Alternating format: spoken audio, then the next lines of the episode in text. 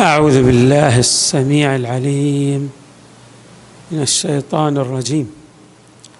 بسم الله الرحمن الرحيم والحمد لله رب العالمين والصلاة والسلام على أشرف الخلق سيدنا ونبينا محمد وآله أجمعين الطيبين الطاهرين. قال الله تبارك وتعالى في القرآن الكريم قل هل يستوي الذين يعلمون والذين لا يعلمون؟ وقال تبارك وتعالى يرفع الله الذين آمنوا منكم والذين أوتوا العلم درجات.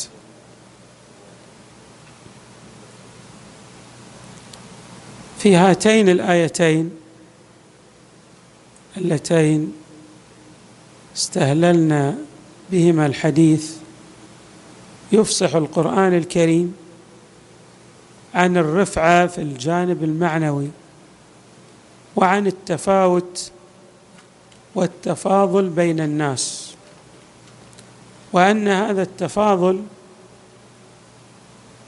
يعتمد على أسس متينة ومحكمة. من أهم هذا هذه الأسس المعرفة. الإنسان بالمعرفة والعلم يختلف عن غيره. ويقول العلماء شرف العلم بشرف الموضوع أي أن الإنسان الذي يتعلم علما يعتمد شرف ذلك العلم على شرف موضوع ذلك العلم. مثلا إذا كنا نتعلم العقائد بما أننا نتقن في المعارف العقدية معرفة الحق تبارك وتعالى معرفة الرسل والأنبياء معرفة الأئمة من أهل البيت معرفة عالم الآخرة كل هذه المفردات تمثل غاية في الشرف والرفعة. فلهذا يكون الإتقان للمعارف العقدية بنفس تلك الرفعة التي عليها الموضوع الذي نتعلمه. لما نأتي أيضا إلى الدروس التي يتعلمها هؤلاء الفتية وهي في الفقه والأخلاق. هذه الدروس شرفها بشرف موضوعها. أما مسائل الفقه فموضوعها التكليف الإلهي من حيث الوجوب والحرمة والكراهة والاستحباب. والإباحة. وهذه العبادات التي يجب على المكلف أن يتعلمها تقليدا طبعا أي على وفق ما يفتي به المرجع الذي يجب على المكلف أن يرجع إليه. هذه المعارف الفقهية لها أهمية فائقة وكبيرة وعظيمة لأن إتقان هذه المعارف الفقهية يعني أن الإنسان يسير على الصراط المستقيم يسير في جادة الصواب يمتثل الأوامر الإلهية.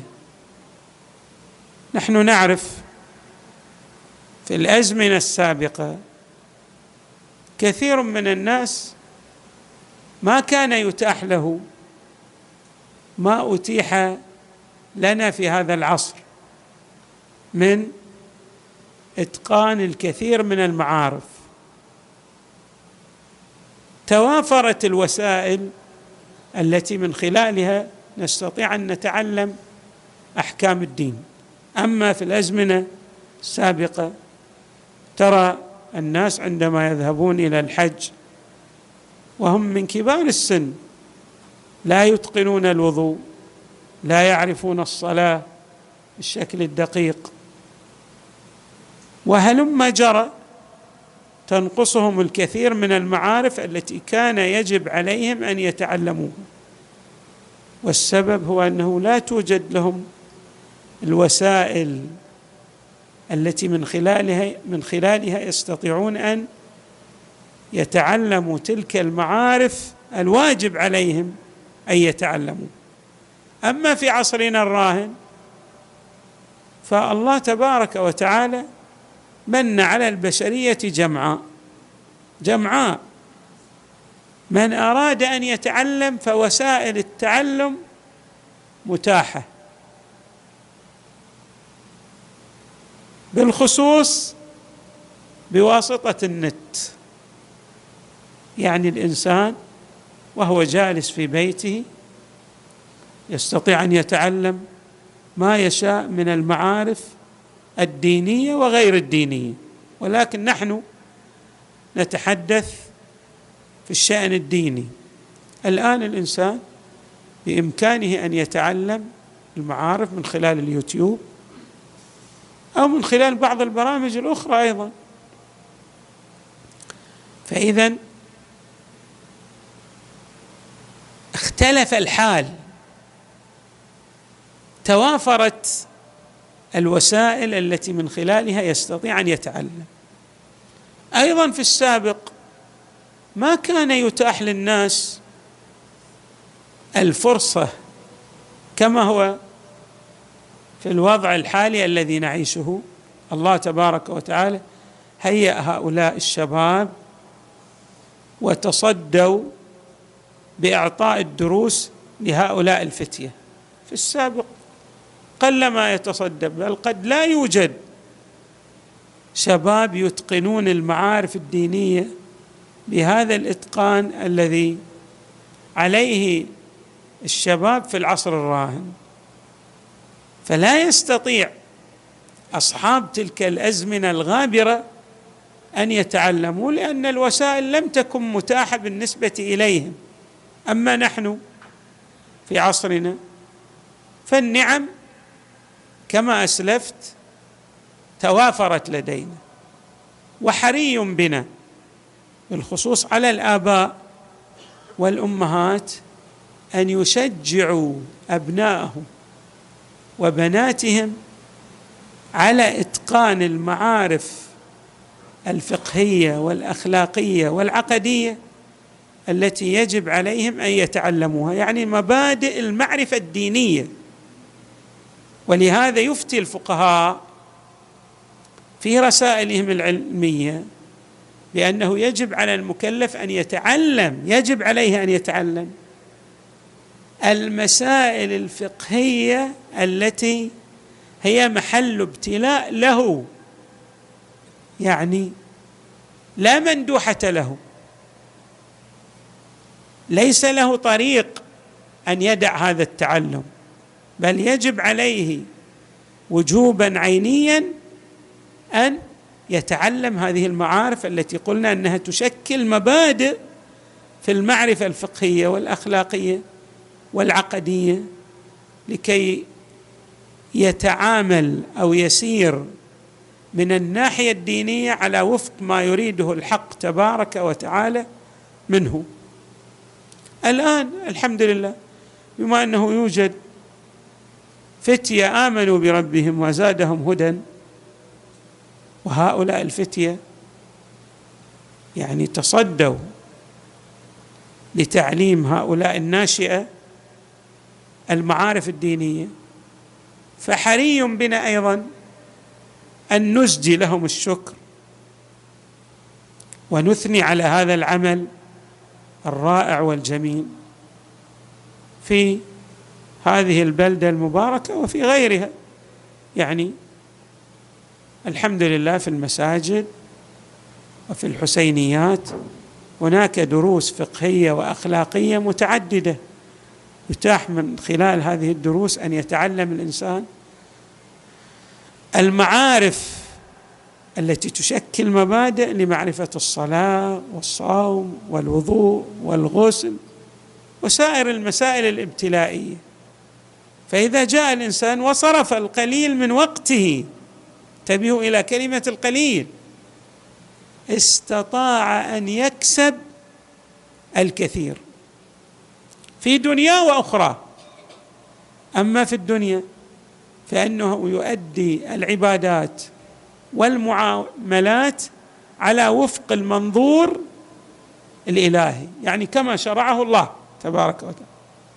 وأما في الآخرة فطبعا الله تبارك وتعالى يسأل العبد عن صلاته عن صومه عن حجه عن, عن طهارته كما يسأله عن المعارف العقدية. فإذا أتقن هذا العبد ومنذ صغره ونعومة أظفاره هذه المعارف وترسخت في كنه وجوده بات ماذا؟ قويا راسخ القدم. وبالتالي يطمئن بصحة عباداته ومعاملاته ويطمئن أيضا بالنجاة. نقرأ في الروايات مثلا عن أهمية الصلاة. إن قبلت قبل ما سواها وإن ردت رد ما سواها. طيب إذا الإنسان لا يحسن الوضوء صلاته باطلة. لا يعرف كيف يصحح صلاته إذا مثلا شك في هذه الصلاة أيضا قد تبطل صلاته ويجب عليه الإعادة. وقد لا يعيد ظنا منه إنه خلاص بعد هذا صلى هذه الصلاة اللي لا تتفق مع الموازين الفقهية. فاذا من رحمة الله علينا جميعا أن هيأ الله تبارك وتعالى ثلة من الشباب المؤمن الذين يتصدون لأعطاء هذه الدروس. وأنا أيضا أشكر هؤلاء الشباب القائمين على هذه البرامج الجميلة ومنذ سنوات طويلة. ومنهم المرحوم الشيخ يوسف عبد الوهاب رحمه الله.